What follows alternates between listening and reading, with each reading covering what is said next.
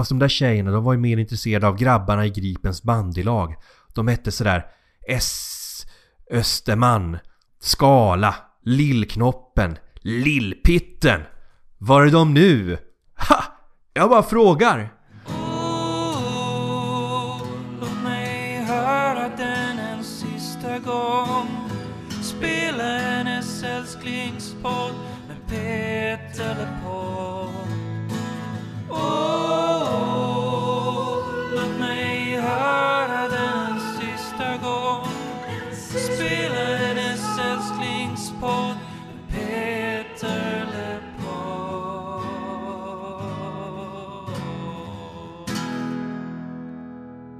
Välkommen hem.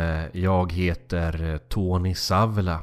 Och du, mannen i mitten, eller mannen mitt emot mig. Vad heter du? Säg det. Ja, mitt namn är ju Emil Savela. Min bror från eh, Trollhättan. Eh, det visade sig nu i helgen att eh, vi är släkt. Det visste inte vi. Vi har ju tillsammans eh, en mack, en dröm. Nej, eh, en podcast. Där vi pratar igenom Peter Lemarks diskografi. Och eh, det här avsnittet är ju lite extra spännande tycker jag. Eftersom att hittills så har ju vi bara pratat om studioalbum. Men vi ska nu alltså prata om Peter Lemarks första liveskiva. Liveupptagning som heter Buenasera Peter Lemark Livslevande. Ett album från 1993 eh, som släpptes 1993 och eh, som spelades in två kvällar på Cirkus i Stockholm den eh, 29 mars och 30 mars eh, 1993. Och liveskivan ska ju till stor del utgöras av eh, låtar från första kvällen. Men vi vet ju med all säkerhet att ett par låtar är från andra kvällen. Med tanke på att de inte spelades första. De flesta av låtarna som vi har på den här skivan har ju vi pratat om tidigare. Så den här gången så kommer vi kanske inte analysera textrader med samma mm, amatörpsykologiska inställning vi brukar ha vanligtvis. Eh, det blir lite spännande att ge sig in på den här diskussionen då eftersom vi kanske saknar karta och kompass för hur ett avsnitt brukar se ut. Och då skulle jag bara vilja börja i allmänhet Emil. Jag vet ju att du tycker väldigt mycket om att lyssna på live-skivor. Och du har till och med sagt i den här podcasten innan att du i vissa perioder har lyssnat nästan enbart uteslutande på liveupptagningar. Ja, det blev så... Nej, det, jag, tror det, finns en, en, det tror det finns kanske en period i varje ung musikälskares liv när man börjar köpa sig bootlegs och sådär. Um, taskigt inspelade någonstans eh, mitt i publiken. Um, dyra som fan var de alltid att köpa. Men sen, jag lyssnade på ett band mycket som heter Pearl Jam. Och de, från år 2000 har de ju släppt de facto alla sina konserter eh, professionellt mixade, professionellt inspelade. Så då har det blivit att där finns ju en hel värld av liksom, konserter att lyssna på. Bara där. Så det har blivit så att jag under perioder har lyssnat väldigt mycket live och jag kan nog fortfarande... Jag tror jag föredrar fortfarande att sitta på en livekonsert än på ett studioalbum. Va, varför då? Jag tycker för att, att det man lyssnar på är någonting levande Mm. på något sätt. Och sen just med Pearl Jam där man kanske kan lyssna igenom hela 2003-turnén till exempel. Så är ju varje konsert liksom ett unik, en unik upplevelse. Eller var du inget, fa- eh, inget fan av livemusik eller? Jo, det skulle jag säga. Jag är i första hand ett fan av att gå på konserter. Och i synnerhet nu när det har varit den här jävla pandemin och det nu är över ett år sedan jag senast gick på en, en riktig konsert. När jag såg Johan Airijoki på Pustervik. Eh, Johan Airijoki och Malmfältens, Malmfältens rockklubb. Ett av Sveriges just nu bästa eh, liveupplevelser. När var detta? Det här var i februari tror jag, Ja, för ett år sedan. För min sista spelning var nog Melissa Horn på Konserthuset.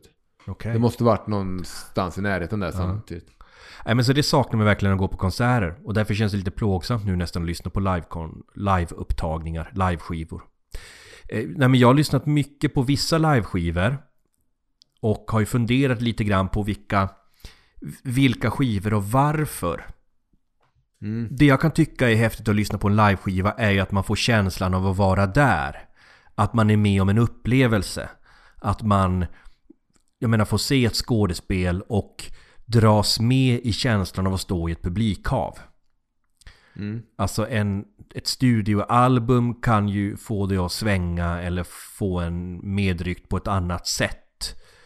Men en liveskiva kan ju på något sätt, om det är en bra liveskiva och en bra liveartist, liksom piska upp en viss stämning och känsla. Som man, som man väldigt lätt kan bli berörd av. Men något jag tänkt på och som återaktualiserades av att jag lyssnade in mig eh, på Peter Mark live och att vi skulle prata om det här. Det var den här skillnaden jag alltid har sett. Um, som, den här skillnaden har aldrig varit så tydlig som när jag 2016 åkte ner till Berlin med mina bröder och såg Neil Young. För det var vad jag ska kalla en rockkonsert. Okej, vi står i Berlin, vi ser Neil Young gå ut och bara köra på, det är en rockkonsert. Dagen efter konserten flyger vi upp till Göteborg. Vi möter upp min mamma och vi går och ser Bruce Springsteen på Ullevi. Och det var en sån otrolig skillnad, för då hade jag åkt och sett en, först en rockkonsert, medan Bruce Springsteen, och jag ser inte det på ett negativt sätt, eh, eller behöver inte vara i alla fall, men Bruce Springsteen Ullevi var för mig mer en rockteater. En show. En show, precis. Och, och det blir intressant att vi pratar om Lemark, för jag skulle säga att Lemark hör till... Hans livekonserter är mer den rockshow slash teatern än vad det är rockkonserten i det att det är lite statiska låtlistor, det, det är bestämt väldigt så här, den här turnén så kör vi den här låtlistan, vi kör det här snacket, vi kör så. Men det, det, det, alltså, det ena behöver inte vara bättre än det andra, men jag tror skillnaden kanske är där att man har ju olika förutsättningar, till exempel om man går och ser ett, ett rockband som till exempel Sample of Pearl Jam, som har, är kända för att ha väldigt varierade låtlistor, så är det ju också att det är ett band som kan alla låtar. Mm. Neil Young har haft turen att de har hookat upp med eh, uh, Proms of the Real, Willie Nelsons sons band, som själva varit stora Neil Young-fans och varit på hugget med att du vet, fan den här låten från Trance du aldrig har kört live, vi har, vi har fan, vi har repat, repat in oss på den, kan vi inte köra den? Alltså de har varit väldigt på det där. Medan Peter LeMarc har ju väl allt som oftast fått plocka ihop ett band, eh, lagt undan några veckor för att repa ihop hans låtar, de har fått lära sig hans låtar och de har mer fått sätta ihop liksom, det här är våran Mm. konsert vi ska ut och spela. Men i regel måste jag säga att jag föredrar det mer levande, lite, som ofta kan bli lite slarviga. Som exempel när jag såg Neil Young 2019 i Dresden och han råkade köra Powderfinger två gånger. liksom under den konserten. Jag kan föredra det, att det, man, det blir mer live, jag inte riktigt vet vad som händer. När jag går och ser Bruce Springsteen på Ullevi så vet jag att ja, det här är jävligt säkert. Och det, här, det han gör nu på scenen har han gjort innan. Och allting är... Men jag skulle vilja säga eh, att jag har ju blivit väldigt tagen av Bruce Springsteen live. Eh, Men du vill ju bli tagen av Bruce Springsteen live också. Ja, jag vill, jag vill tro på illusionen. Precis som eh, många Mm. duktiga liveframträdanden. Även om det är exempelvis stand-up där du går och kör samma liksom. Men det är också svårt av den anledningen. Ja, okej. Och jag... Och jag tänker, jag, jag tycker att om en performer är tillräckligt bra Mm. så köper jag illusionen av att det som sker, sker i ögonblicket. Sen gör det inte mig någonting om det är superinövat. Nej. Det viktiga är ju vad jag upplever i ögonblicket. Och jag är inget emot inövade, men jag tycker det är en skillnad bara på det Jag förstår. och det man får. Som sagt, när Neil Young råkar köra Powderfinger två gånger. Och jag förstår, då blir ju också kanske riskerna blir ju större när man gör det. Eh, Men det kanske är ett... ett ja, jag, fatt, jag fattar vad du menar. Det är inte, ingenting är bättre än det ena, men det är en, Nej, men det, och det är bara någonting jag, jag det fick mig att tänka på det igen, den där, vad, vad är det jag tycker om live?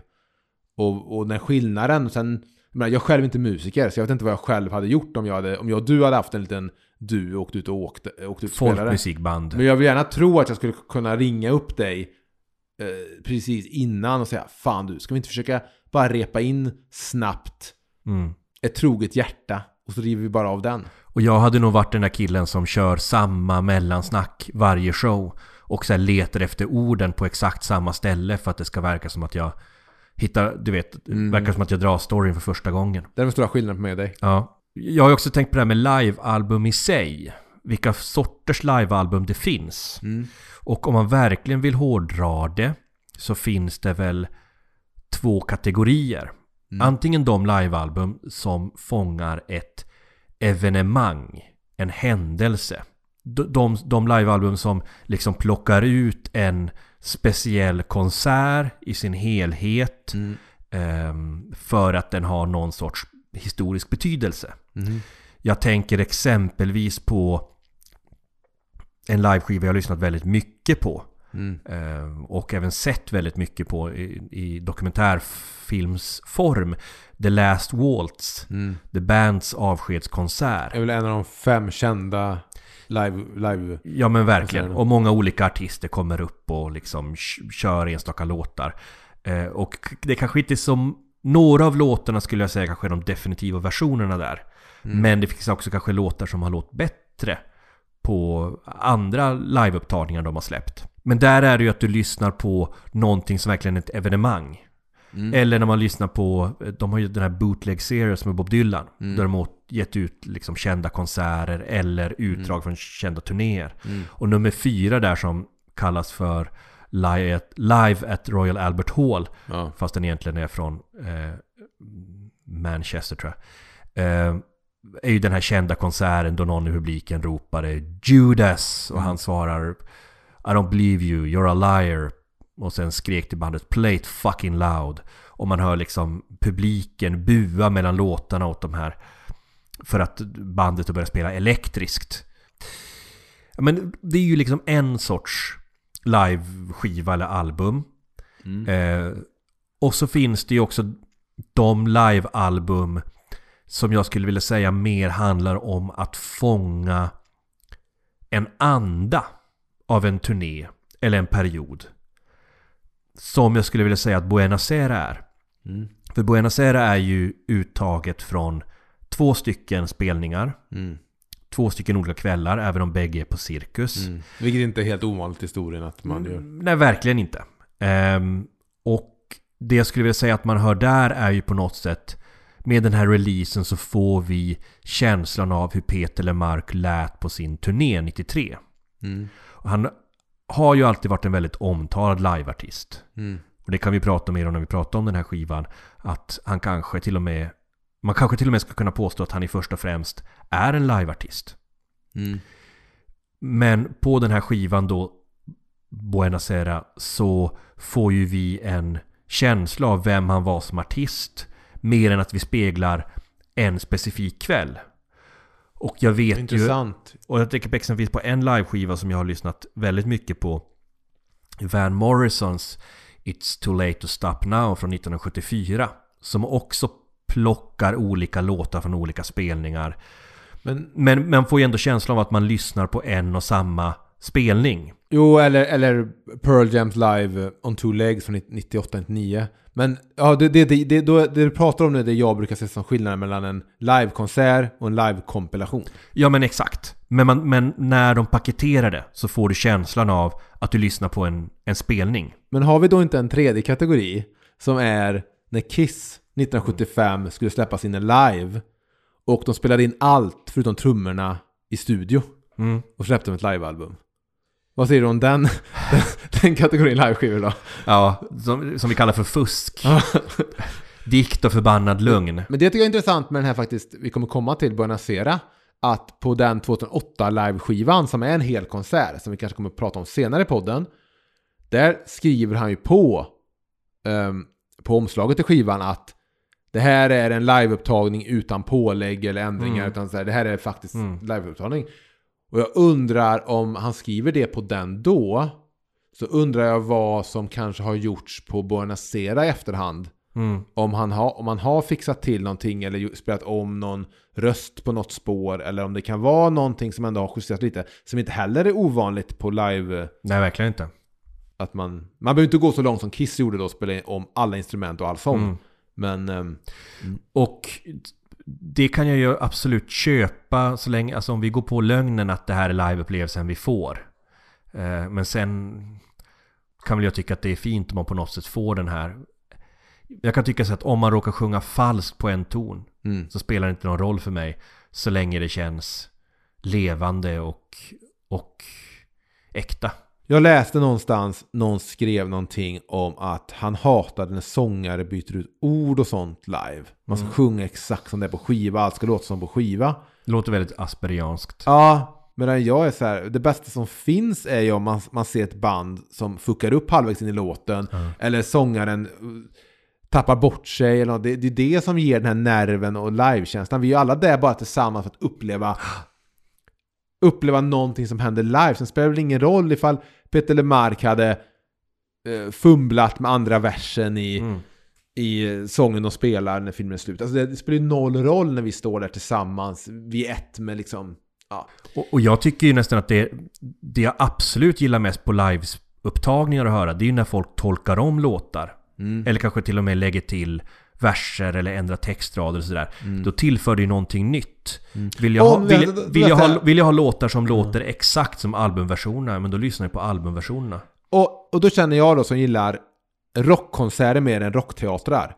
Att ja, om det händer i stunden. Men det finns ju också tillfällen där artister har, okej, den textraden justerar jag för varje stad eller land jag åker till. Då tycker jag det blir lika stelt som annars om det är så här. Ja, ja, jag vet inte. Jag, Mm. Men ska vi prata lite om just för att det här är då 93 och det är då Peter LeMarc nästan hans sol skiner som starkast och han står som högst. Och det här är ju en, en turné som är en otrolig succé. Han har turnerat eh, sina tidigare plattor också och eh, i många år. 1990 turnerade han ju, men 91 så kom, gör han ingen stor turné för um, Sången och spelaren när filmen slut. Istället gör han en stor turné här. Och som han själv har sagt och vi kanske nämnt så var den hyllad och fick väldigt fina betyg. Jag kan dra lite fakta om turnén om du vill. absolut. Turnén har två ben. Och första benet av den här turnén startar 3 mars och slutar 3 april. Och där spelar de 23, 21 spelningar. Det är också under det här benet som de gör den här live, liveupptagningen i Cirkus som blir när skivan börjar lansera. Hans liveset har en väldigt tydlig, rigid stomme. Som består av, i princip, det kan skilja sig lite om man spelar på ett kortare sätt på en festival eller så. Men i princip så, så ser hans låtlista ut som följer. Öppningslåten är ända till september. Sen är senast jag såg Änglarna, båda då från Det finns inget bättre. Sen spelar han Säg som det är, Det finns inga mirakel, Drivved, Väntar i mirakel, Här kommer din älskling och Håll om mig. Sen kommer ett kort parti där ofta ett troget hjärta förekommer, men där det är lite mer vad vill ni höra i publiken? Är lite friare, eh, som också kan vara väldigt olika i längd. Sen kommer någon avslutning på sättet som är ett av de sätt, Little Willie John, Mellan månen och mitt fönster och Är det därför jag älskar dig så? Sen eh, extra-numren är Jag ska gå hela ur det här, Sången om spänner filmen slut, Totula, Devil in the Skies, Från husvagn i Bohuslän, Ta med dig månen när du går och så avslutar han med Evelina. I början av det här benet så avslutar han ibland även med Det finns inget bättre. Men den försvinner sen bort och Evelina blir avslutningslåten. Det som händer på ben 2 som pågick mellan 30 juni till 14 augusti som är någon sorts då sommarfestivalsben för den här turnén är dels intressant att den här låten Buenos Sera kommer in i låtlistan. Mm. Den är alltså inte med under, under cirkusspelningarna. Den versionen som är med på Buenos Sera-plattan är inspelad i Vaxholm eh, efteråt. Och det är för att de hade väl ingen, ingen multikanalsinspelning då av den låten, men Peter vill ändå ha med den på liveskivan. Eh, andra benet då, ända till september försvunnit som, som öppningslåt. Den, är, den spelas en gång i ett av extranumren, men sen försvinner den helt och hållet. Synd. Ja, och konstigt kan jag tycka. Det finns inget bättre, spelas inte heller, vilket också är lite konstigt. Vrå av världen ersätter då som öppningslåt. Och Totula går från att vara ett extra nummer till att vara andra låt. Och det här då som jag sa så dyker Bonacera upp. Och i det här lilla mittpartiet då där eh, Peter kan vara lite mer lös och ledig och bandet inte riktigt är med så han kan spela liksom låtar som de kanske inte har repat in. Där är ju Troget Hjärta väldigt vanlig. Men andra låtar som spelas är till exempel Liten Vän från Marmor som han släppte på Spotify nu höstas. Han spelar vid något tillfälle Kom klappa min kanin mellan dig och mig. Eh, han spelar Mannen i mitten vid två tillfällen. Han spelar Under din kjol rätt ofta också här. Mm. Inte med på Bonacera. Eh, han spelar sång för april vid något tillfälle. I Växjö spelar han Regnig dag vid Västerhav. Enda gången den dyker upp på turnén. I Uppsala spelar han Hur hjärtat jämt gör som det vill. Enda gången den dyker upp. Uh, Heartbreak Hotel dyker upp rätt ofta som extra nummer men inte varje kväll. Vagg som klockan fyra dyker upp lagom ofta. Bland annat på, uh, där på Cirkus kväll två. Men inte varje kväll. Det är väl den eh, uh, fakta jag tror jag har. Skivan släpptes inte på vinyl. Men släpptes på ett nytt format som var minidisk. Och uh, får jag säga vilken som är min... Jag vet inte, jag kan ju inte säga att det är min favoritspelning eftersom jag inte var där. eller eller har hört de andra. Det måste ju vara Växjö. Nej, de- den jag är mest nyfiken på, det är ju Finspång. Ja, är det första spelningen ben 2 tror jag? Ja, det är det. Och Finspång är ju... Eh, är ju en håla i eh, Östergötland som jag har haft en väldigt blöt kväll i för eh, över tio år sedan. Och det finns en intervju ju på YouTube med Peter från Finspång innan konserten. Ja, och det finns också på YouTube en liveupptagning från när han kör eh, husvagn i Bohuslän. Som är lite skönt flängig. Eh, men det finns också information om att efter den spelningen så skedde det en extra konsert. En efterfest. Vid en busskur vid torget. Eh, och då så spelade eh, Peter tillsammans med Niklas Strömstedt, Tony Thorén, Pelle Sirén, Sara Edin och Peter Gomes. Bland annat Knockin' on Heaven's Door, Helpless. Jag tänker att de gick, gick in i varandra där förmodligen. Eftersom att det är i princip samma låt. Eh, Dylan och Neil Youngs låt, samma ackord. La Bamba och Twist and Shout. Också i princip, två låtar som också i princip samma låt fast med olika text. Mm, jag vet att för ett par år sedan la Peter upp en bild på sin Facebook från den här busskuren. Där han står i sin väst. Mm. Alltså, he, om, om, om jag skulle få se en enda spelning från den här turnén så Den är det, kom- är det, den, det är busskursgigget. Okej, jag väljer ju Växjö på grund av en låt som spelades där som var kul att höra. Men eftersom du nämner några eh, personer här så kan, ska vi gå igenom bandet. Som är med på Buenos Aires ja. Som är med på Bonacera och var, som var hans eh, turnéband då. Den turnén. Då har vi ju Werner Modegård på trummor. Som även spelat mycket på Peters plattor. Eldkvarns eh, trummis. Inte vid tillfället då tror jag men. Mm. Hans favoritlåt med Peter Mark står det här i bookleten till eh, skivan är Vaggsång klockan fyra. Sen har vi Tony Thorén på bas. Vi har Per, eller möjligtvis Pelle Siren på gitarr. Vi har Mats As Asplén på Hammondorgel. Vi har Stefan Forkelid på flygel och elpiano. Och även dragspel. Och vi har Sara Edin då som har nämnt den här podden tidigare. Som eh, hon spelar fiol och slagverk. Vad säger Sara Edin? Vilken är hennes favoritlåt? Sara Edins favoritlåt med Peter Lemark är Mellan månen och mitt fönster. Och det är även Tony Thoréns Mhm. favoritlåt med Peter Lemark. Vi kan väl ta gå igenom den här resan. ehm, som, som det är att lyssna på det här albumet. Och se om det finns några detaljer här som vi tycker är värda att uppmärksamma. Får jag bara nämna en sak först som är värt att nämna, men Mm. jag inte glömma. Han är ju faktiskt också nominerad på Grammisgalan 94 eh, för bästa rockartist för den här skivan. Men Mm. vet du vem han... Ja, Årets rock manlig som kategorin heter. Vet du vem han förlorar mot? En, en artist som också släpper en liveskiva det här året faktiskt. Plura. Ulf Lundell för hans skiva Måne över Haväng. Dra åt helvete Ulf. Jävla Ulf! Ja. 93 tror jag han var nominerad också för Det finns inget bättre. Där vann han bästa musikvideo bara. Så det, kan det vara två år i rad, rad då han är nominerad till För bästa... mycket hippa stockholmare i de här Grammis, du vet, nomineringarna. De, de kunde inte ta saker på allvar. Men en, no- en om det- nominering är ju en vinst det också. Ja, det får man ju säga. Det är som mamma till mig när jag förlorade Grammis. Ja. Okej, paus. Jag väntar bara en öl till. Vill du ha det? Eh, ja, vad fan. Och nu en liten paus medan den Grammis-nominerade Emil Rydrup eh, går och hämtar en öl till mig. Tack. Okej, låt oss göra som så att vi går igenom den här resan som det är att lyssna på den här skivan. Eh, och så stannar vi upp vid de tillfällen där vi har någonting att tillföra.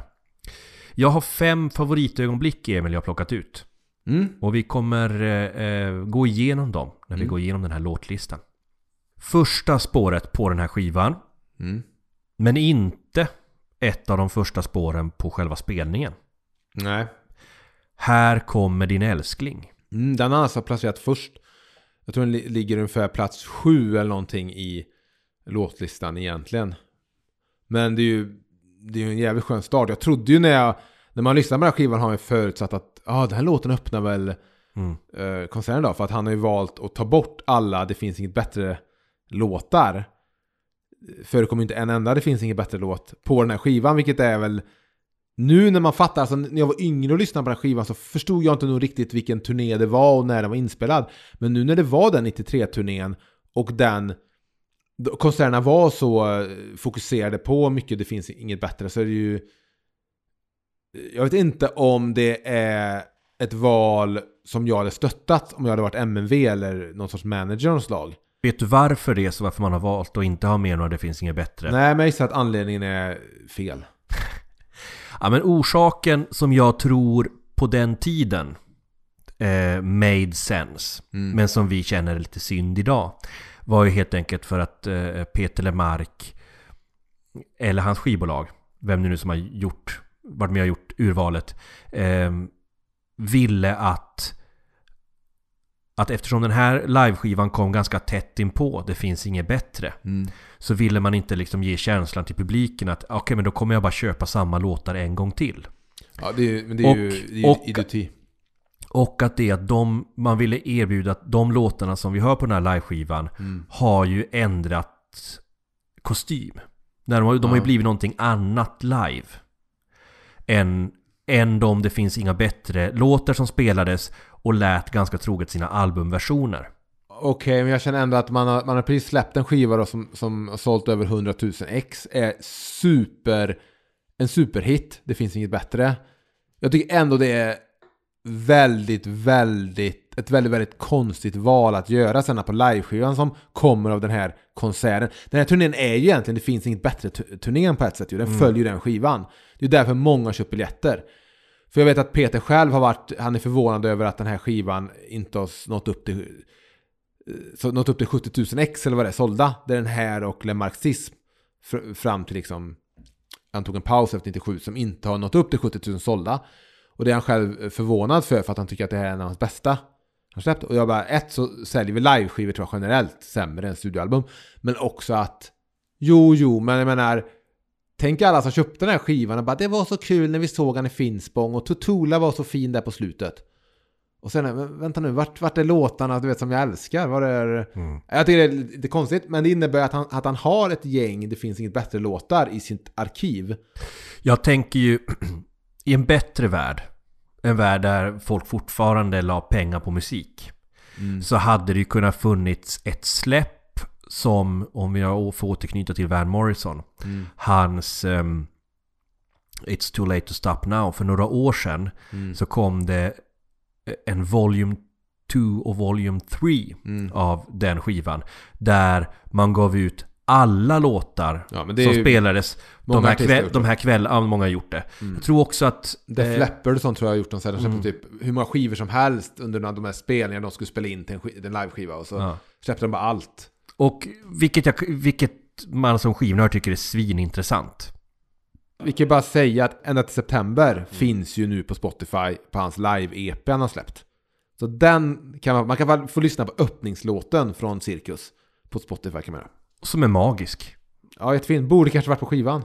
Ja, det tycker jag givetvis. Men, eh, men som sagt, låt oss diskutera vad vi har framför oss än vad vi borde ha framför oss. Här kommer din älskling och eh, är alltså första spåret. Och eh, det jag kommer säga nu, Mm. så att jag inte behöver säga det varje gång, Mm.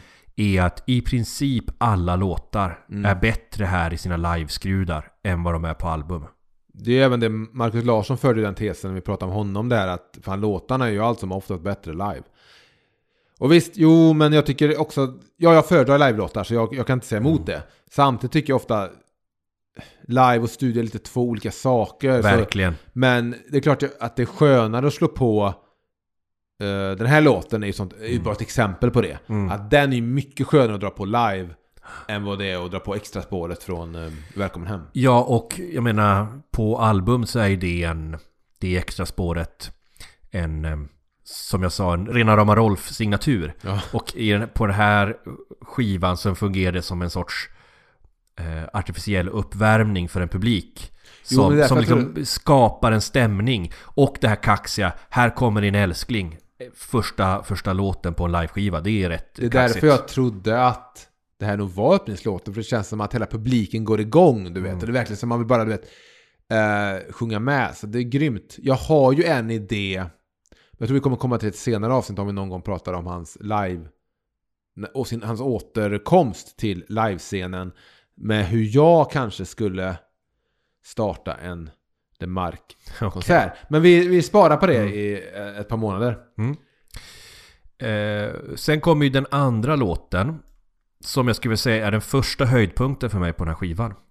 Ja, en av mina tre favoritögonblick. Säg som det är. Mm. Och orsak till att jag tycker att det är ett favoritögonblick, jag vill också höra om, om det är samma anledning du har Emil. Är ju för att det är liksom en soulbomb som briserar här. Som ger skivan sin officiella start. Mm. Alltså att det här live-albumet börjar på riktigt.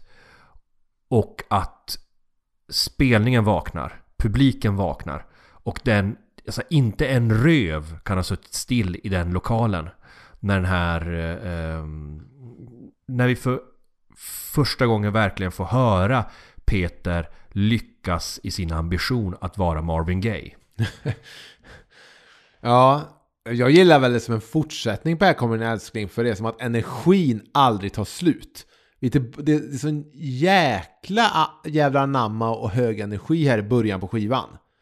Och stora delar av hela, hela, hela albumet. Eh, så ja, men sen är det ju en så jävla bra låt också. Mm. Ja, verkligen. Sen fortsätter det med Det finns inga mirakel.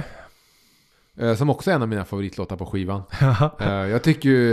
eh, jag tycker också det är en skitbra låt. Jag hoppas verkligen jag nämnde det i Närmare gränsen-avsnittet. Det här är, nog, det är enda låten från Närmare gränsen som är med i den här rigida strukturen. Mm. Så den här, det är den låten som representerar den skivan. Och eh, jag tycker också det är skitbra. Jag älskar fortfarande att det är energi igen och det är en jävla låt och en grym version. För varje avsnitt som går så växer närmare gränsen för mig. Jag har ju börjat lyssna om skivorna igen från början. Ja. För att vet, inte, vet, vi, vi går in så mycket på individuella album så att man nästan... Det, det, blir, det blir som en dimma riktigt med de skivorna längre bak. Så jag, jag har börjat faktiskt gå igenom vita albumet igen och lyssnar igen så att man har med sig dem. Ehm, men jag, jag tycker det är skitbra. Och sen kommer ju Drivved. Och här vet jag att du har en åsikt om den här låten i, i du den det? kommer i disk i. Du har sagt det till mig på fyllan. Jaha. En sen natt, vi raglar hem. Eh, Du går lite för nära mig. och, och vi pratar om, om livet och, och alla besvikelser här i livet och alla vackra stunder. Och man stannar upp och eh, ser ut över nejderna på Göteborg. Och eh, då säger du till mig Tony, det är en sak jag måste bekänna. Jag, jag tycker att den här låten, jag tycker den är en, en skitbra version och allting, men jag tycker att den kommer för tidigt. Jag tycker energin är så jävla igång här. Och eh, i livesättet så kör de ju fyra låtar innan Drived Här innan de bara kör tre, och jag tycker det är lite för tidigt att ta ner allting. Alla i publiken är helt höga bara på liksom den här övermänskliga Petter Mark som står där och bara, det bara, det bara rusar mot dem hela den här upplevelsen. Så då tycker jag man kan, fan, vi chillar lite med att ta ner det. Jag har inte haft problem med det. Jag kan tycka att det är rätt häftigt att vi redan här får liksom den här emotionella käftsmällen av drivved. Eh, mitt i all den här eh, upptempo soulfesten som sker och så kommer plötsligt drivved med liksom sina existentiella funderingar. Det här finns det ju en instrumentering som skiljer sig något eh, från albumversionen. Den känns, det jag tycker är, är häftigt är hur dynamiken i låten har förändrats något när den eh, fortsatte spelad ganska stilla, tillbakadraget. Och sen när den här bryggan kommer med två, det finns två sorters människor här i världen. De som får stjärnhimlen när de begär den. Och de där raderna som vi hyllade i sida B-avsnittet av sången de spelar. När den, när den bryggan kommer så liksom går ju bandet in med full kraft. Vilket jag tycker skapar en jävligt spännande dynamik. Mm. Innan de sen går tillbaka, tar ett steg tillbaka och liksom går tillbaka till det återhållsamma. Eh, ja, Drivved är ju förstås en av de låtarna som, som också är kraftfullare för mig emotionellt Mm. på den här skivan. Mm, jag ser inte emot det. Alls. Skitbra version. Men ja. Mm. En till eh, bara, du vet. Dunderlåt innan. Ja, du hade En velat... till banger. Hade Du, jag du har inte dansat färdigt. Nej, men precis.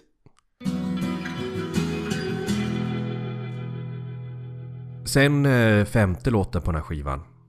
Vänta dig mirakel. Som övergår till eh, Temptations My. Girl. Ja, och det, den fick ju också en musikvideo.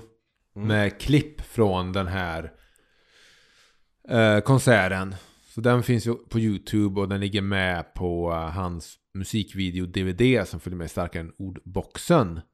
Så eh, sen finns ju ett promosläpp med Väntar i mirakel med på från den här som någon sorts promosingel. Inte har inte varit i försäljning men den har ändå skickats ut kanske då till radiostationer och så. Så jag gissar att de försökte få Väntar i mirakel till, till någon sorts Ja. hit på något sätt. Den här låten har ju blivit beskylld för att vara lånad ganska mycket av My Girl. Och det är fint att de liksom får gifta sig här nu. Peter är ju den sortens artist. Den som du eh, nästan snackade skit om här i början. Gjorde som, ja, ska vi säga, som inte är eh, de här liksom spontana ögonblicken. De jag- finns väl där, men som inte är en, en artist som bygger hela sina spelningar på spontana, Mm. kaosiga ögonblick. Han skulle inte börja spela Vänta dig mirakel två gånger på en och samma spelning. Det, det, Jag tror han har mer koll än Neil Young. Ja, eh, han är ju en artist som eh, har väldigt välregisserade föreställningar. Han har liksom eh, drivit bandet ganska hårt och repat hårt med dem, de här olika momenten och det. Och här kommer ju ett av de här mellansnacken Mm. som ska låta lite spontant men som är väldigt liksom inrepade och inövade. Och jag tycker ju själv att när man lyssnar på 2008 liveupptagningarna där tycker jag ju att man känner att Peter har hittat sin röst på scen bättre. Jo, men jag tror att nu har ju inte... Alltså som mellansnackare.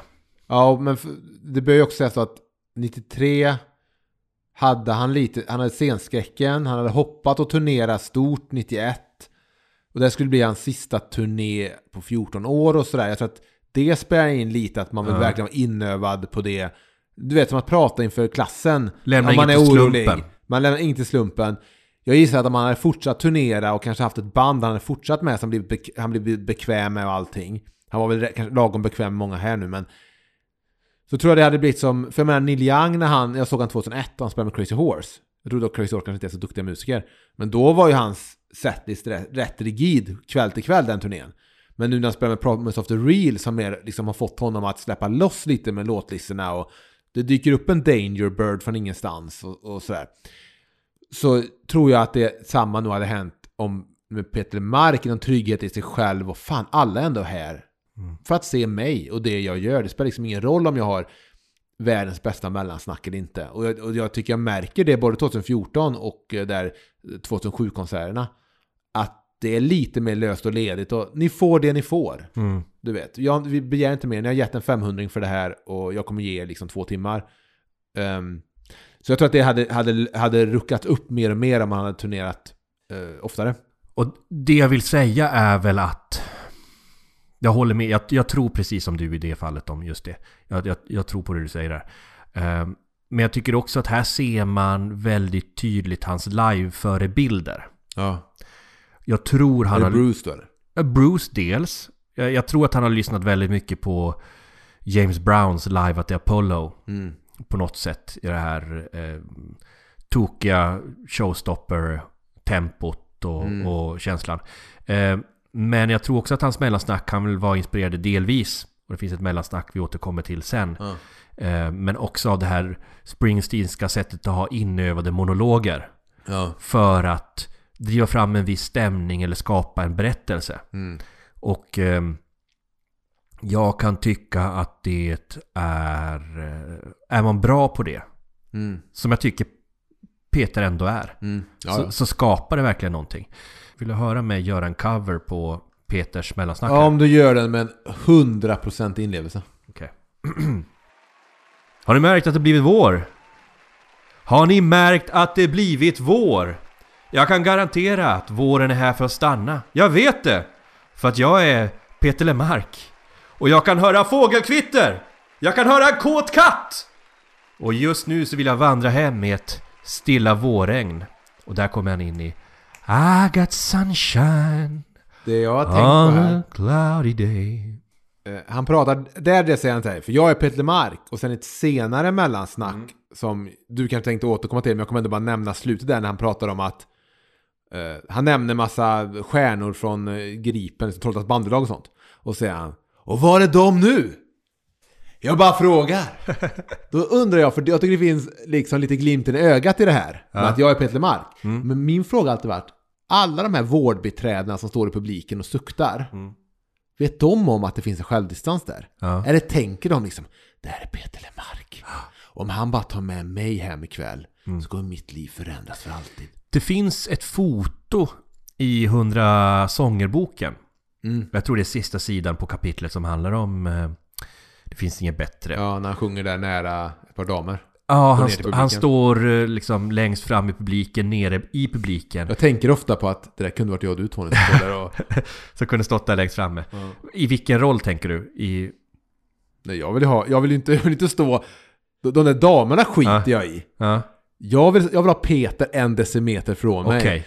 Fräscht, rocksvettig. för jag, jag, jag tänker ju att jag eh, hade velat vara Peter där. Jag, jag, vet inte riktigt om jag vill vara så, här, så där nära Peter Lemark. Pratar jättegärna med Peter Lemark, se en spelning, men jag vill nog gärna ha honom på, du vet, Okej, jag vill ha han där... Två meters Jag vill ha avstånd. han där dig bredvid mig, så jag sen kan viska till dig. En andedräkt av snöfall. Jag tänker på den här bilden i alla fall där han står framför en väldigt snygg tjej. Mm. Hon är ju eh, den här blonda, hon är en jättesnygg tjej. Påminner lite om Carina Lindblom heter hon väl, Sunes mamma Mm, i Sunes jul. kanske gör. Eh, och han liksom står där och man ser att det här är ju verkligen en, en rock'n'roll. Mm, Men tänker du att de, att de förstår att när han säger, för jag är Peter Lemark, att han säger det med glimten i ögat? Eller tror att de har gått på myten om att det är Peter Lemark som kan rädda mig om han bara accepterar groupies som normala rockstjärnor gör? Det här tycker jag är intressant. För att jag börjar, när jag hör Peter Lemarks självförtroende i mellansnacket på den här eh, skivan så tänker jag att det är det självförtroendet man får när man har lyckats skaka av sig scenskräcken, kommit ut på scenen och faktiskt liksom börja leva sig in i konserten. Han pratar ju om, har ju skrivit om att när han kom hem från turnén så hade han gått på myter om sig själv. Och jag undrar om det man hör här är en man som håller på att gå, myt, gå, gå på myter om sig själv. Och jag säger inte att det här är specifikt för Peter Lemark. Jag tror att det här är för alla artister som gör utsålda konserter där man hyllas som en frälsare och där tidningarna liksom lyfter upp en. Hur fan ska man kunna komma hem då från en sån turné och vara en vanlig människa? Och hur ska man sen kunna sätta sig och göra nästa skiva när alla har sagt till dig Du är så jävla bra, du är bäst och du har börjat tro på dig själv. Tidigare kanske du har haft det här bristande självförtroendet som på närmare gränsen när han sjunger Här kommer kung Vankelmod, alla älskar mig nu där han då känner han sig som en, alltså känner han sig fake. Då känner han sig som att han lurat folk. Här så känns det som att Peter Lemark börjar eh, eh, få ganska gott självförtroende. Vad tror du? Ja, eller så är det bara han spelar personan. Jag vet faktiskt inte riktigt. Ehm, men det, be- ja. Det får man ju säga brasklapp. Eh, givetvis är det så att han också spelar en persona. Mm. Alltså en, en han spelar ju Men rockfrälsare. det är det jag tror inte riktigt publiken förstår det. Men ehm, hur som helst, när han nu då ska spela lite mer så här lös och lediga låtar. Eh, lite på akustisk gitarr och lite så här, det är någon fiol med, men inte, kanske inte hela bandet och så. För nästa spår efter det här då är ju mm, på skivan det som heter pratförfrågningar. Precis, han frågar ut till publiken, vad vill ni höra? Och folk ropar lite förslag. Och då säger han Ser nu Pelle ser rädd ut? Han har ingen aning om vad vi ska göra nu. Det har inte jag heller. Några önskemål? Och då, där är alltid frågan typ, är det verkligen så att man snappar upp önskemål och spelar? Eller vet man redan ändå vad man ska spela men man fejkar att någon har ropat ut det? För han säger så här, ett troget hjärta, var det du som ropade? Och så hör man en mansröst och bara, det var inte jag! Eller vad han säger. Men här, här vet jag i alla fall att de här låtarna garanterar jag är från kväll två. För mannen i mitten eh, kör han inte kväll ett. Jag, gissar att de, och de, jag tror att hjärta slutar ju med att någon ropar ut mannen i mitten. Så jag gissar att de låtarna är från kväll två. För att köra ett troget hjärta så kör mannen i mitten. Och på vår Instagram pratar vi om det att han rycker ut hela mitten av låten textmässigt. Han kör bara de första typ två verserna. Sen hoppar han direkt till slutversen. Och sen kommer lite långt fjol-jam på slutet. Uh, vilket är rätt snyggt. Och sen, kör, sen går han tillbaka till att spela ett av de set som han kör varje uh, konsert. Ja, det är exakt vad som sker. Han spelar Troget Hjärta, Mannen i mitten och ett av de set. Uh, och, um och det skulle jag också vilja säga att den akustiska Ett Troget Hjärta är ett av mina favoritögonblick på den här. ehm, Jag tycker fortfarande På är för, jag tycker fortfarande är för mammig. Men det är ändå intressant att Cirkus kväll 2 måste vara en bra bit längre. För mannen i mitten och även under din kjol spelas kväll 2 men inte kväll 1. Så jag tror att hela det mittpartiet är lite längre då på eh, kväll 2 här då. Där man har tagit då den här mannen i mitten från, så vilket är, vilket är en eh, fin version. Och sen kör han ju då, då går han tillbaka då till ett av de set som han kör varje konsert ihop då med Mellan månen och mitt fönster. Som jag gissar kan vara ett ögonblick. ja, Jag tror att Mellan månen och mitt fönster kan vara mitt, få silverplats. När det kommer till ögonblick på den här skivan för mig. Den har en jävla energi här som saknas på studioalbumet. Och sen hur han, hur han liksom går igång med mantra där mot slutet som är jävligt starkt. Mm. Ja, Det är ju en version som blir väldigt mycket mer suggestiv och mäktig än på album. Eh, Mellan månen och mitt fönster har väl inte varit någon av mina favoritlåtar med Peter Lemark. Pound for pound tror jag det kan vara hans bästa låt. Och jag börjar tro... Det har inte varit en av mina favoritlåtar, men det börjar bli. Och I synnerhet när man hör den här live-versionen. Och man känner liksom hur den, hur den växer. Och når den där mystiken. Som det känns som att den försöker nå på albumversionen. Men inte riktigt når på grund av en... Den lever ut. Den är lite På trång, produktionen. kos- det är lite trång kostym. Eh, studioalbumet kanske. Här får den verkligen så här... ehm, Ja, precis, eller hur? Och, och det finns ju liksom ett jam-moment där. mm, Som verkligen, eh, där man känner att musikerna får sträcka på sig. mm. Och det är ett sånt tillfälle då man känner och tror att så här, här, här bara försvinner bandet i olika jam. Mm. Och du vet, alla är bara i någon sorts trans. Men otroligt välregisserat. Ja, precis. För pu- publiken tror ju att oj, nu kom de verkligen in i, in i the zone här. Det gjorde de nog inte spelningen de spelade i Göteborg. Inte sagt att man inte tror att musikerna liksom är i the zone, att de inte känner det de spelar. Men det är nog ett sånt tillfälle då Peter har varit så här. Sen kör du ett stycke där, sen kör du, du vet. Och varit med och format fram det här för att...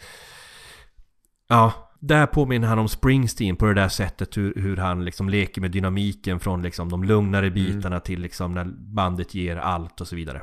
Jag tycker det är intressant det där med hur man också komponerar ihop ett band. För han har ju två klaviatur på scenen.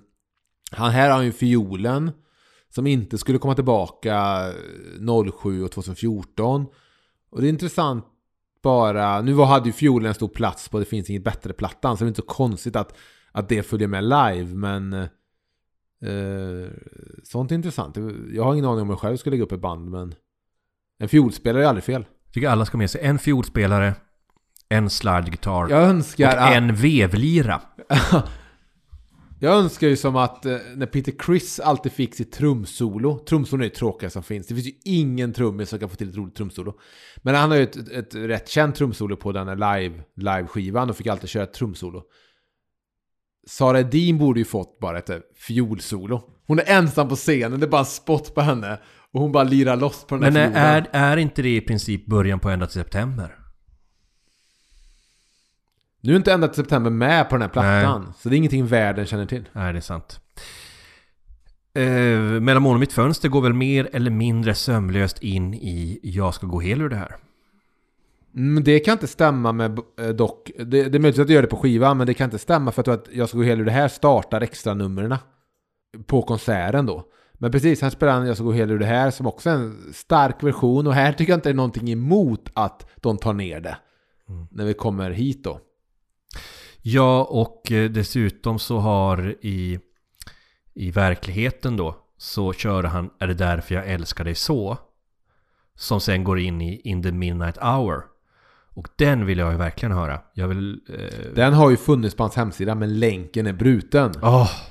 Eh, Precis, för han Peter. körde ju eh, Är det därför jag älskar dig så var avslutningen på Mm. liksom huvudsättet innan de kom ut igen och körde extra nummerna och då startade med gå hela det här. In the midnight hour, jag vill bara säga att den förekommer på heter den Freddys Greatest Hits? Eller någon vinylplatta som kom på 80-talet med eh, Freddy Krueger var med och sjöng lite på låtarna. Då kör de In the midnight. En väldigt, väldigt stark version. Jag tror det är Wilson Pickett som gjort originalet. Ja. Eh, Men den är inte starkare än den versionen på Freddy Krugers.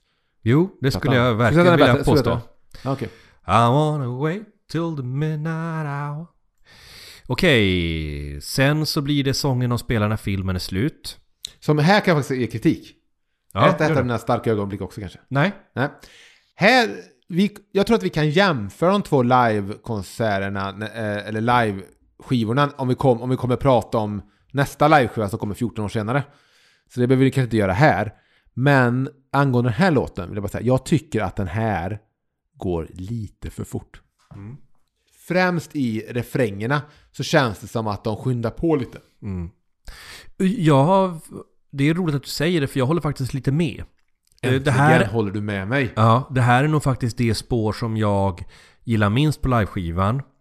Och det känns lite grann som att eh, de skyndar sig igenom den. Eller att så här, Och då är det ändå en de, låt de som- har inte riktigt med hjärtat i det. Det känns som att Nej. de spelar den för att eh, det här är en låt vi måste spela. Mer än att det är en låt de vill spela. Jag vet inte varför, men jag tycker att det känns lite som att den går så här 10% för fort, eller 15% någonting.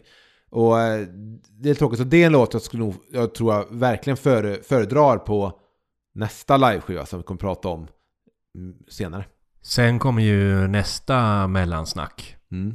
Elvis hade rätt. Mm. Som är väldigt Springsteenskt. Och eh, jag säger inte att, att Peter har tagit mellansnacket därifrån. Mm. Men det påminner om ett snack eh, som Springsteen har inför en låt som heter Pink Flamingo. Mm. Som han kör bland annat 1978. Mm. Jag tror den är med på Winterland Nights. En eh, känd live bootleg. Är den med i den där liveboxen alla hade med Nej, nej. Springsteen? nej. Eh, den är inte med där. Ehm, men där håller, håller Springsteen ett långt snack innan han börjar köra den låten om hur han eh, brukade sitta utanför trappan tillsammans med Stewie och se en tjej som gick förbi som de ville snacka med men inte vågade. Och det är väl lite grann den här historien som Peter kör här också. Mm. Eh, och det finns en grej i den här monologen Ja. där, som inte jag riktigt gillar. Oj, nu kommer kritik från Tony Savel. Ja. Eh, och eh, det är ju att Peter, för enda gången skulle jag vilja påstå, för det är ju en sak vi brukar säga har varit så bra med honom att han inte gör. Mm. Att han kallar en kvinna för ett väsen. Jo, men han pratar också från... Han pratar från sig själv från när man är ung. Och satt Absolut. ut, utanför Polhemskolan. Och de söta flickorna går ner för trappan från Polhemskolan som ligger precis vid Drottningtorget. Och ska ta bussarna hem. Då var ju kvinnor, vadå, var de inte, klart de inte var väsen för Tony Savla för du kunde ju få vem du ville då. Du var ju den populäraste killen i klassen och så här som du alltid snackade om att du var. Mm. Det var kanske inte så svårt eftersom det var två killar i min... det var ju för att de andra hade dött i så tragiska skoterolyckor. Ja, ja, ja. Så det var ju bara jag och Jörgen med, utan högerhand som... Som, som folk valde mellan på, Ja. eh, på diskorna. Men eh, han De flesta valde Jörgen men... Men Emil, vill du höra min, min eh, cover på, på Peters mellansnack. Och det är på ett villkor då Tony. Mm. Det är att du säger det med samma inlevelse som ditt förra. Ja men vad bra. För att jag tänker att vi brukar ju vanligtvis läsa Peters texter va? Och det brukar ju våra lyssnare uppskatta väldigt mycket. Här kommer då min läsning av Peters mellansnack som jag har transkriberat ord för ord. Ni kanske tycker det är otroligt det jag säger nu men jag har inte alltid varit den här vandrande tryckkokaren av sex och erotik som ni ser framför er ikväll. Varför, varför skrattar ni? Varför, varför skrattar du? Så är en tjej som säger det. Jag bara log. Hon Jag, jag har nog aldrig hört vad hon säger. Fan vad gött att jag nu... Okej. jag tycker hon låter så underbar. Jag tror det är den där blonda tjejen också. Ja, det står- är klart man... Mm. Och så fortsätter Peter. Det är jobbigt det här. Jag, jag ser mig själv i spegeln innan jag går in och tänker. Peter, du klarar det. Du kommer att fixa det här Peter. Du är ganska okej. Så jag vill ha lite åtråvrål istället. Och så hör man publiken. "Åh!" Det är mycket så här, du vet, snubbar från Finspång som du vet vrålar. Där. Och säger nej, nej, nej. Bara tjejerna. För en, gång, för en gång var jag bara 15 år gammal. Och jag satt varje dag på torget i Trollhättan vid korvkiosken och fingra på en röd elektrisk gitarr av märket Kawai. Ja, det fanns sådana. Man köpte dem från Hobbex-katalogen för 99,90. Ja, jag var ju inte rik och känd och berömd då. Utan var ju bara en fattig jävla bonläpp. jag satt där av två skäl. Det ena skälet var att riksväg 45 går ju alldeles utanför Trollhättan. Så jag tänkte att förr eller senare måste det komma en limousin på 45an och limousinen innehåller en skivbolagsdirektör som blir sugen på en korv och åker in på torget och upptäcker mig! Men sånt hände inte i Trollhättan. Han kom aldrig. Det andra skälet till att jag satt där, det var, det var, det var för att imponera på tjejerna. När de gick där från Polhemsgymnasiet, där de gick ner för trapporna ner till bussarna som skulle ta dem med bussarna till villorna i Skoftebyn. Han säger faktiskt Sköftebyn. Fast de där tjejerna, de var ju mer intresserade av grabbarna i Gripens bandylag. De hette sådär S. Österman, Skala, Lillknoppen, Lillpitten. Var är de nu? Ha! Jag bara frågar. Det är där han har det där goda självförtroendet och, och ni vet. Det hänger i luften att det gick ju bättre. Så fortsätter han. Men, men, men, men. Det var en tjej som var annorlunda. Eller hon var ingen tjej. Hon var ingen kvinna. Hon var ett väsen. Hon liksom svävade ovanför gatstenen sådär 10 centimeter ovanför. Åh! Jag tänkte det måste vara hon. Det måste vara hon. Hon kommer förstå mig. Hon kommer vara kvinnan som jag tar i handen och går till stationen och lämnar Trollhättan tillsammans med. Så jag gick hem till pojkrummet igen. Klämde en finne och sen tog jag fram min källa till all världens visdom och vetande. Mina gamla svarta vinylsinglar. Och jag satte på en. Han imiterar en vinylskiva mycket bättre än vad jag gör det. Och jag förstod... vänta, faktiskt inte jättebra. Jag tycker, inte, jag tycker att det är en av de svagaste ögonblicken på skivan. Att- När han ska imitera hur det låter när en äh, vinylskiva går igång. Jag tycker att den är väldigt repig så jag tycker han sätter den. Och så, och så fortsätter han. Och jag förstod. Jag förstod att jag skulle bli sviken. Jag förstod att hon var inte avsedd för mig. Jag förstod att Elvis hade rätt. Jättefint läst. Och då kör de ju Devil in Disguise. Mm. Ibland kör de även Heartbreak Hotel. Konstigt att de kör två Elvis-låtar samma konsert. Lite, Ja. en, en för mycket kan jag tycka. Kanske beroende på liksom hur väl publiken gick igång på det. Någonting som inte togs upp på vårt måndagsmöte, Tony, om- som vi har, Ja. är att jag ringde S. Österman. Nej. För att se. För jag var så jävla intresserad av om, om Peter Lemark hade liksom frågat om det var okej att han drog upp de här. För han drar ju upp då flera. Men det är riktiga namn alltså? Två. Skala eh, och S. Österman är två profiler från, som var bandspelare. Och eh, ofta förekom i tidningarna då på 70-talet och sånt. För de var, de var rätt så kända så här i stan. För att de, ja, de spelade bandy. Så jag bara undrar, men fan. Visste de om att Peter Mark åkte runt under 93 och liksom drog upp dem i de här mellan, mellansnacket innan Devil in Disguise? Så jag ringde S. Österman. Jag tänkte att jag är Trollhättebo, han är Trollhättebo. Men det är klart man kan ringa hem till någon. Hur gammal är han idag? Han måste vara kanske 70. Han har jobbat som brandman hela livet, men eh, jobbar inte så längre. Men jag pratade med honom och jag pratade med hans fru. Eh, och eh, det roliga är ju att de hade ju ingen aning om att det här hände. eh, förrän då liveskivan kom. Och vänner ringde hem till dem och spelade upp, så här, la telefonen mot eh, stereon mot högtalaren. Så att de fick höra då att de nämner eh, då S. Österman. Ehm, och, då, och jag frågar också då, men eh, ja, Skala, han, det är också några där. Jo, men han är från Vänersborg. Väldigt viktigt att poängtera om jag förstått han. Ja. Han är från Vänersborg, men han spelar också i Gripen då, BK, tillsammans med S. Österman. Så de visste faktiskt inte om någonting. Blir tagna på sängen, men det var okej. Sen, 2016, så är S. Österman på Svania, eh, hotellet i Trollhättan, och ser Peter Lemark i lokalen. Så då går han fram till Peter Lemark och säger hej. Och då Peter Lemark tittar upp och känner inte igen karln som står där. Och då säger han, det är jag som är S. Österman. Eh, och det, detta har även återberättats av Peter Lemark på sin Facebook när detta hände 2016. Att han hade sprungit på då S. Österman. Så det är ändå kul att, att, att han vågar ta Skala och S. Österman liksom och...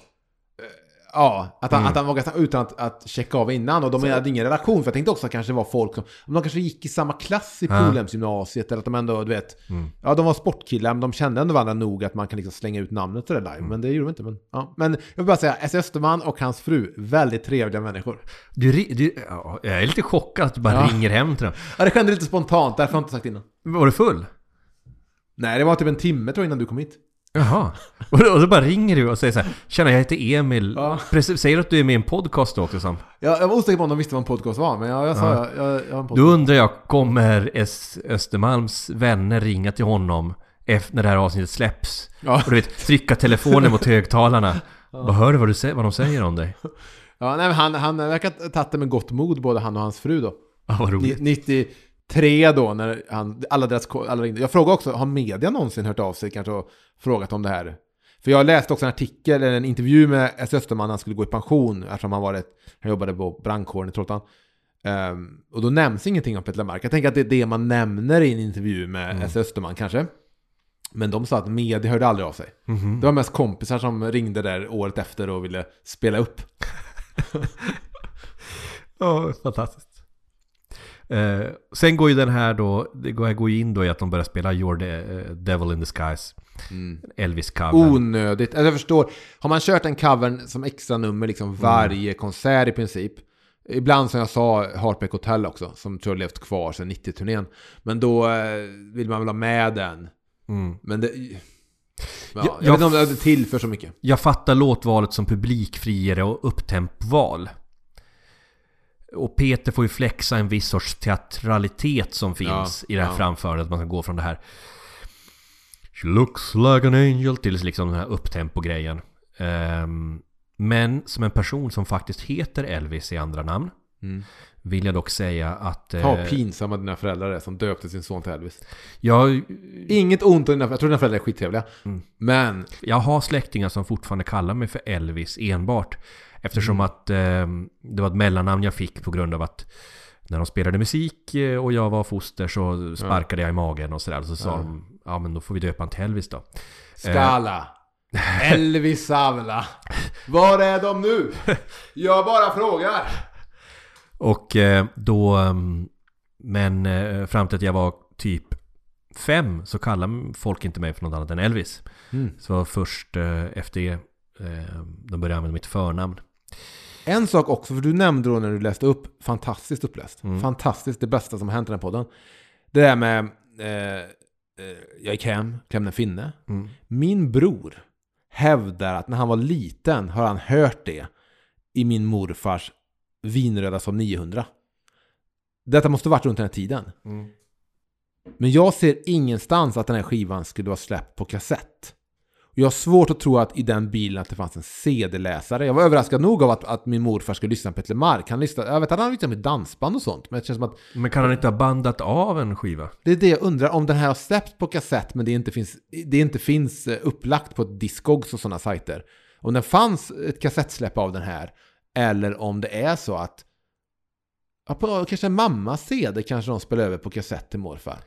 Min favorithistoria i hela världen är hur min... eh, ja, min styvmor får man säga. Min pappas sambos. ehm, hade en, en släkting kan man säga. Han lever tyvärr inte idag den mannen. Eh, en väldigt härlig man. Som eh, tyckte väldigt mycket om Charlotte Perrellis den här låt eh, eh, Take Me To Your Heaven. Eller vad heter den på svenska? Tusen och och en Tusen och natt. natt hette den. Ja, Det var så, jag tyckte det var så snyggt 99 tror jag det var hon vann ja, Eurovision. Och hon startade den engelskt. När hon, när hon körde efter hon har vunnit då. ja. Sen gick hon över till den svenska. Uff. Jag tyckte det var så här coolt. Ja. Men eh, eh, han tyckte så väldigt mycket om den här låten. Mm. Så att han var... Så när han liksom, och han hade den på ett kassettband. Så när han liksom körde omkring i sin bil, kan ha varit en Saab 900, Mm. så liksom spolade han alltid tillbaka för att höra den gång på gång. För att få höra den på nytt. Men han tröttnade till slut. Ja. Så att han tog ett kassettband och satte som han spelade in enbart den låten på. Gång efter gång efter gång. Så han hade liksom ett 90 minuters kassettband som bara innehöll Tusen och en natt på repeat. Och sen körde han omkring i sin Saab och lyssnade enbart på den här låten liksom månader i sträck. Så skulle jag kunna tänka mig att göra med mellan mån och mitt fönster från den här. Ja. Ehm, ja, det är väl kanske inte den, den bästa Elvis-låten. Men den uppfyller... Nej men jag, alltså, jag är inget emot Mm. Jag förstår den med live. Det är väl bara att jag menar... De droppar ju den här turnén så droppar de ju några låtar från 90-turnén. Mm. Bland annat Allt är över nu. Som är med som extra låt på Välkommen hem på Spotify. Som är fantastisk. Och den tycker jag de kunde behållit. Och kanske kört istället. Um, mellan dig och mig körs nog en gång här men försvinner bort. Och det finns ändå andra låtar kanske att spela. Och vi går vidare på nästa låt. Med ett annat eh, mellansnack som inte jag kommer köra, men som jag tycker att du borde i alla fall citera rader ur. Jag det? Det är inför en hus... Inför låten från en husvagn i Bohuslän. Har jag texten då? Nej, jag tror du hade det. Nej. Har du bett mig? Nej, det har jag inte. Ska jag skriva av den snabbt eller?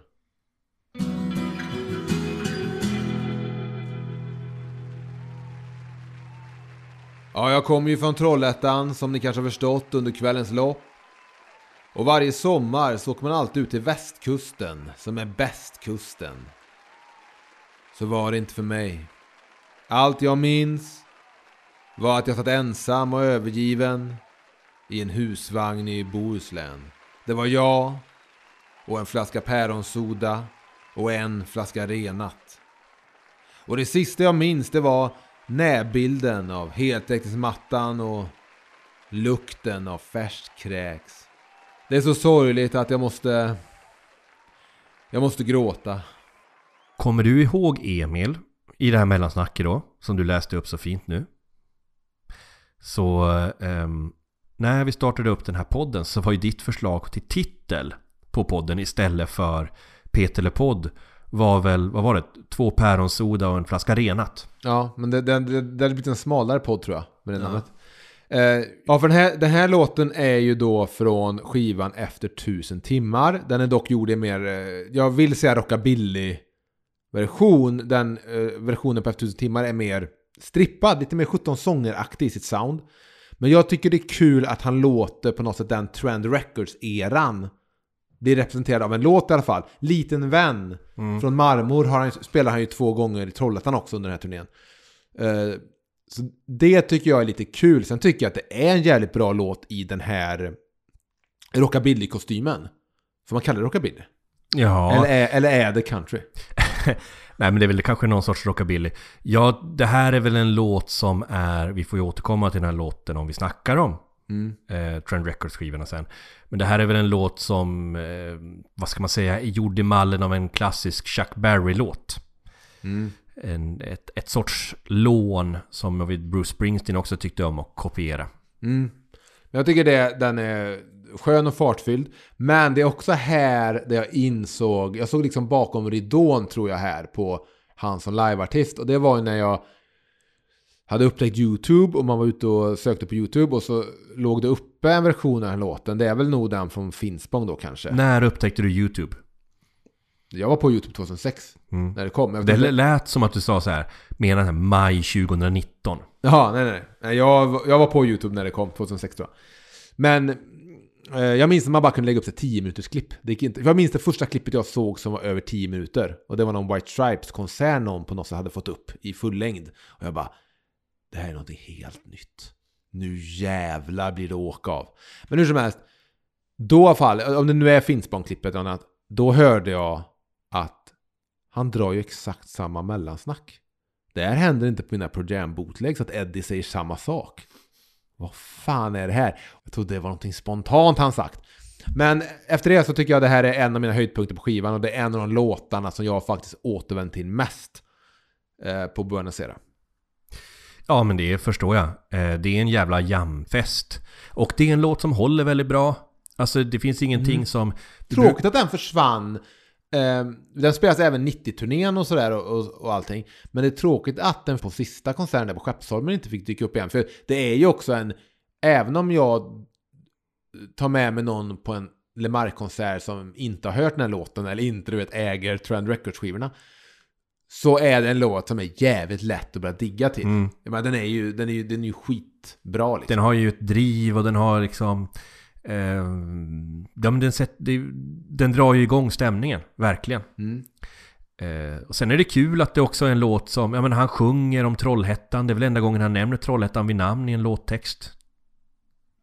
Mm, ja, det måste det vara ja. Jag for hem, hem till Trollhättan igen. Trollhättan, han säger ju så. Ja. Trollhättan. Roger. Ja. Ja men den är skön. Den är, man har jävligt kul.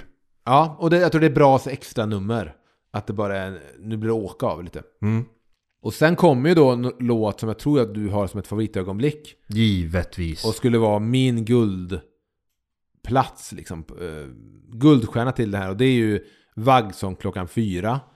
Eh, spelas bara kväll två. Och spelas inte så ofta som vi kanske nämnt Oj! på den här turnén. Eller spelas runt tio gånger tror jag på hela turnén. Eh, vilket är lite konstigt för jag tycker att den här versionen är så in i helvete bra. Det är ju inte bara den bästa versionen av den här specifika låten. Nej. Jag skulle också säga att det här är förmodligen det absolut bästa framträdandet av en sång som Peter har gett oss. Ja. Alltså bara själva sättet han sjunger den och hur bandet spelar. Eh, Jag säger inte att det är nödvändigtvis, nödvändigtvis den bästa låten. Men jag säger att för mig så är det solklart det absolut bästa framträdandet Ja. och sånginsatsen som Peter gör är den här låten. Ja, jag tycker det här är magi. Jag har inte så mycket, jag kan inte liksom... Det blir lite löjligt att prata om låtar och bara säga det här är så bra, det här är så Mm. Ja, bra. det, Ja, blir så här, Mm, mm. Det, det är inte content Mm. eh, överhuvudtaget. Eh, det här har inte förekommit i Thomas Andersson Vis eh, podd Hundåren direkt. Nej. Men eh, det här tycker jag är det ögonblicket på skivan där det blir så här magi. Det är mer än liksom en liveupptagning, det är mer en liveskiva. Ehm, och eh, svårt att leva upp till. Ja, verkligen. Det är, det är bara liksom superlativ vi kan ösa över den här låten och, och det är inte så mycket, man kan inte liksom dra ut så mycket mer av det. Och sen avslutas ju allting då med den låt som skulle komma bli avslutningslåten. I början som jag nämnde så konkurrerar Det finns inget bättre lite med att vara slutlåt på konserterna. Men sen tar den här över helt och hållet. Och det är ju då den eh, lugna versionen av Evelina. Mm. Jag hade avslutat eh, skivan med vaggsång kan jag säga. Ja, det hade jag kanske också gjort. Eh, det hade varit häftigt att han kunde avsluta konserterna till och med. Det här är väl också den första gången på album vi får den akustiska Evelina. Mm, måste det vara. Ja, och det intressanta här är att den avslutar den här skivan men den startar nästa liveskiva. Ja, där eh, från 2007-turnén. Men jag tycker ändå att det blir som ett extra slut när redan Vaggsång slutat allt med det där gita- utdragna gitarrsolot. Mm. Det är ju Ja. det gitarrsolo, alltså varje gång vi avslutar ett avsnitt så säger vi allt är bra nu, gitarrsolo. Det är ju det gitarrsolot vi syftar på.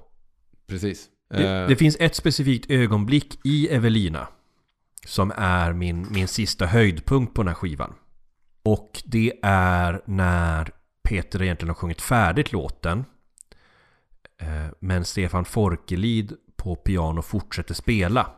Och Peter tackar publiken. Mm. Tack, jag- menar det. Eh, och Peter känns väldigt genuin när han säger det. Ja, han säger väl Tack Stockholm. Ja, Så jag tror att det här måste vara från kväll två vill jag bara säga. ja. Men det finns också någonting där med Stefan Forkelid Ja. när han spelar pianot. Mm. Så det är väldigt så här Roy Bittenskt.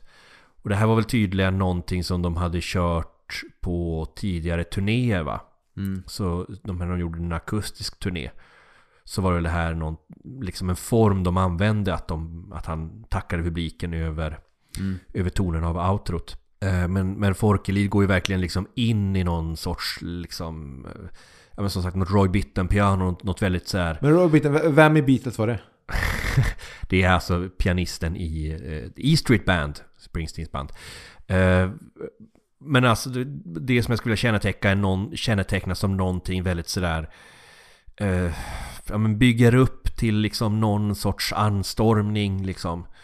Något sorts solo som liksom dansaren på en hårfin gräns mellan klassisk musik och soulmusik. Mm. Och eh, jag tycker, Ja, det, det- är jag tycker det är fint. väldigt fint. Ja, det finns. Jag ska inte säga det att det borde avsluta med vaggsång för att eh, om Avelina avslutade konserterna så borde även liveskivan avslutas med den. Så enkelt är det. Så jag tar tillbaka det. Mm. Men sen kommer ju också som något extra spår. För att den spelar han ju alltså inte i cirkus då. Nej, den här eh, Buonasera-låten som alltså har fått döpa hela albumet dyker ju först upp på ben 2 i Finspång.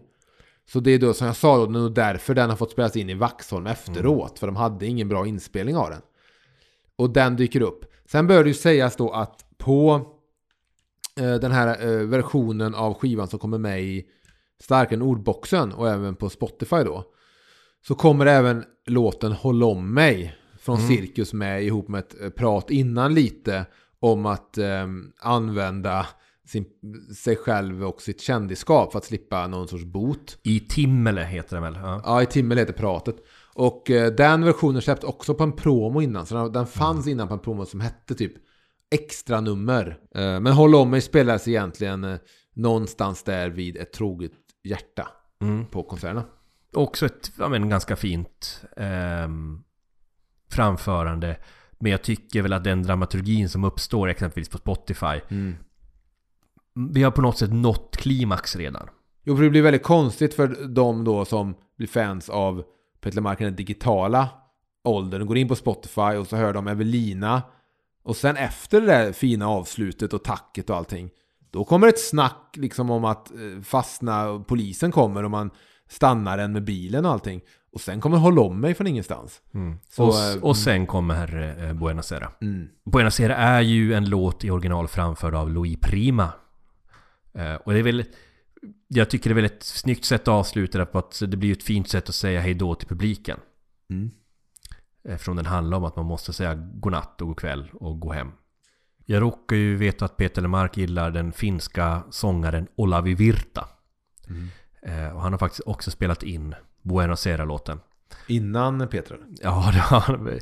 B- Bra tid innan eh, Peter. Fast på finska då. Ja. Den heter ju fortfarande Buenos Aires. men- Önskar du varje gång du sätter på Buenos albumet att hoppas att den här gången att Peter Mark kör den på finska? Absolut. Ehm, Jag kan tycka det är lite synd vill jag bara säga att de spelar in de här två kvällarna på Cirkus, multikanal och är tänkta släppa som en liveskiva. Lite tråkigt att de inte spelar in någonting från ben 2 med tanke på att de stuvar om ändå låtlistan en del. Och... eh, det finns bara en sak jag inte tog upp nu om den här eh, skivan. Eh, eller ett, ett ögonblick på den här skivan som jag tycker jag bara funderat på. När de har den här biten när de eh, ropar upp låtönskningar. Mm. Så är det eh, en kvinna som säger Hörru, kan du spela den här eh, Det bästa? Hör- Hör man en kvinna ropa. Mm. Och publiken skrattar och Peter går vidare. Men jag bara undrar, men vilken jävla Peter-låt är det han, Mm, hon jag pratar om? sökte på det för att se vilken artist det är hon har mixat upp Peter med tänkte jag. Och vet du jag tror jag att, vet vilken låt jag tror att det är? Nej. Jag tror hon har förväxlat Peter Lemark med Grymlings. som, som hade en hit med låten Mitt bästa för dig. Ah. Jag tycker den låten är svingrym. Eh, Så du de- tycker att Peter borde kört den? Nej, det tycker jag inte att han borde gjort. Men eh, om det var så att hon råkade ropa på en, eh, på en låt från en annan artist så blir det kanske lite pinsamt. Det jag tycker är så intressant är när man pratar om den här turnén 93. Det skulle alltså dröja 14 år innan han turnerade igen. Och det verkar ju som att Peter redan här visste att det var Nu räcker det. Ja. För jag undrar hur resten, hur, det jag tänkte så här, hur bandet tänkte, tänkte de så här typ, ja så släpper han väl en ny skiva om två år och då kommer väl sam- telefonsamtalet Mm. om att nu ska vi ut igen. Men det är sagt 14 år utan att han spelar live. Och det får man ju ändå säga att vi är glada att det kom en liveskiva som fångade det som fanns. Ja det är ju, men det kom bra. Jag tror även Lundell släppte en liveskiva 93, jag tror även Thomas Ledin gjorde det. Jag läste någonting om att de tre stora Ellen skulle släppa liveskivor det här året. Eh, men det här är ju en av de bästa liveskivorna jag har lyssnat på tror jag. Ja. Alltså, alltså då räknar jag även med liksom de tunga internationella namnen Ja. som för med 93 kommer ju även Kiss Alive 3 Mm. och även Neil Young släpper ju MTV Unplugged live som är väldigt bra. Men, eh, men samtidigt saknar man ju lite för att det finns inget bättre låtarna. Mm. Och främst nu också när det har gått så många år att, att det är tråkigt att de låtarna från den skivan inte finns eh, dokumenterade också. Oavsett så får man den här känslan av att, att Peter Lemark, vilken jävla liveartist. Ja, Eh, att han själv inte riktigt förstår det. Men han får ju 5 plus varje jävla Jo men jag tror han är helt införstådd med det. Det är väl Men bara tror det du det är de 5 plusen som tynger också? Eh, Att det alltid är typ, nu ska jag ut igen och nu förväntar sig folk att det ska vara 5 plus. Ja, du har ju förväntningar att leva upp till. Så är det nog förmodligen. Och har du redan scenskräck så kanske det förstärker. Ja, hade det varit lättare om man hade fått sig 2-3 plus. Han går ut och känner att ja, jag är väl lite medelmåttig men folk betalar ju så fan. Ja. Det går i alla fall inte att skriva berättelsen om Peter Lemark och hans diskografi och hans artistskap utan att prata om liveartisten. Och det var väl kul att vi fick göra det, göra det idag. Mm. Du, ska vi i, ta och avsluta dagens samtal? Ja, för jag har druckit två öl under den här inspelningen och jag måste gå och kissa. Mm. Och det ska ni alla andra få också göra. Vissa kanske lyssnar på den här podden medan de kissar. Eh, men eh, till er som, som eh, inte gör det och som måste springa på toaletten vill jag säga eh, tusen tack för att ni har lyssnat. Tusen tack för att ni fortsätter kommentera och mejla oss på våra sociala medier. Peterlepodd heter vi på Instagram, på Twitter, på vad är det mer vi har? Facebook. Facebook är, får inte glömma. Ja, Sen kan man även mejla oss. på peterlepodd.gmail.com Och sen kan man även tipsa om oss till sin lokala ICA-handlare och andra man stöter på på vägen dit. Mm, Skrik det till folk när ni ser dem på gatan. Säg det! Säg det. Och Kristoffer Hedberg från Easy October har gjort vårt intro och vårt outro värt att nämna. Checka in honom, finns på Spotify. Och eh, med det så är det bara för mig att säga de berömda slutorden från Vaggsång klockan fyra. Allt är bra nu. Gitarrsolo.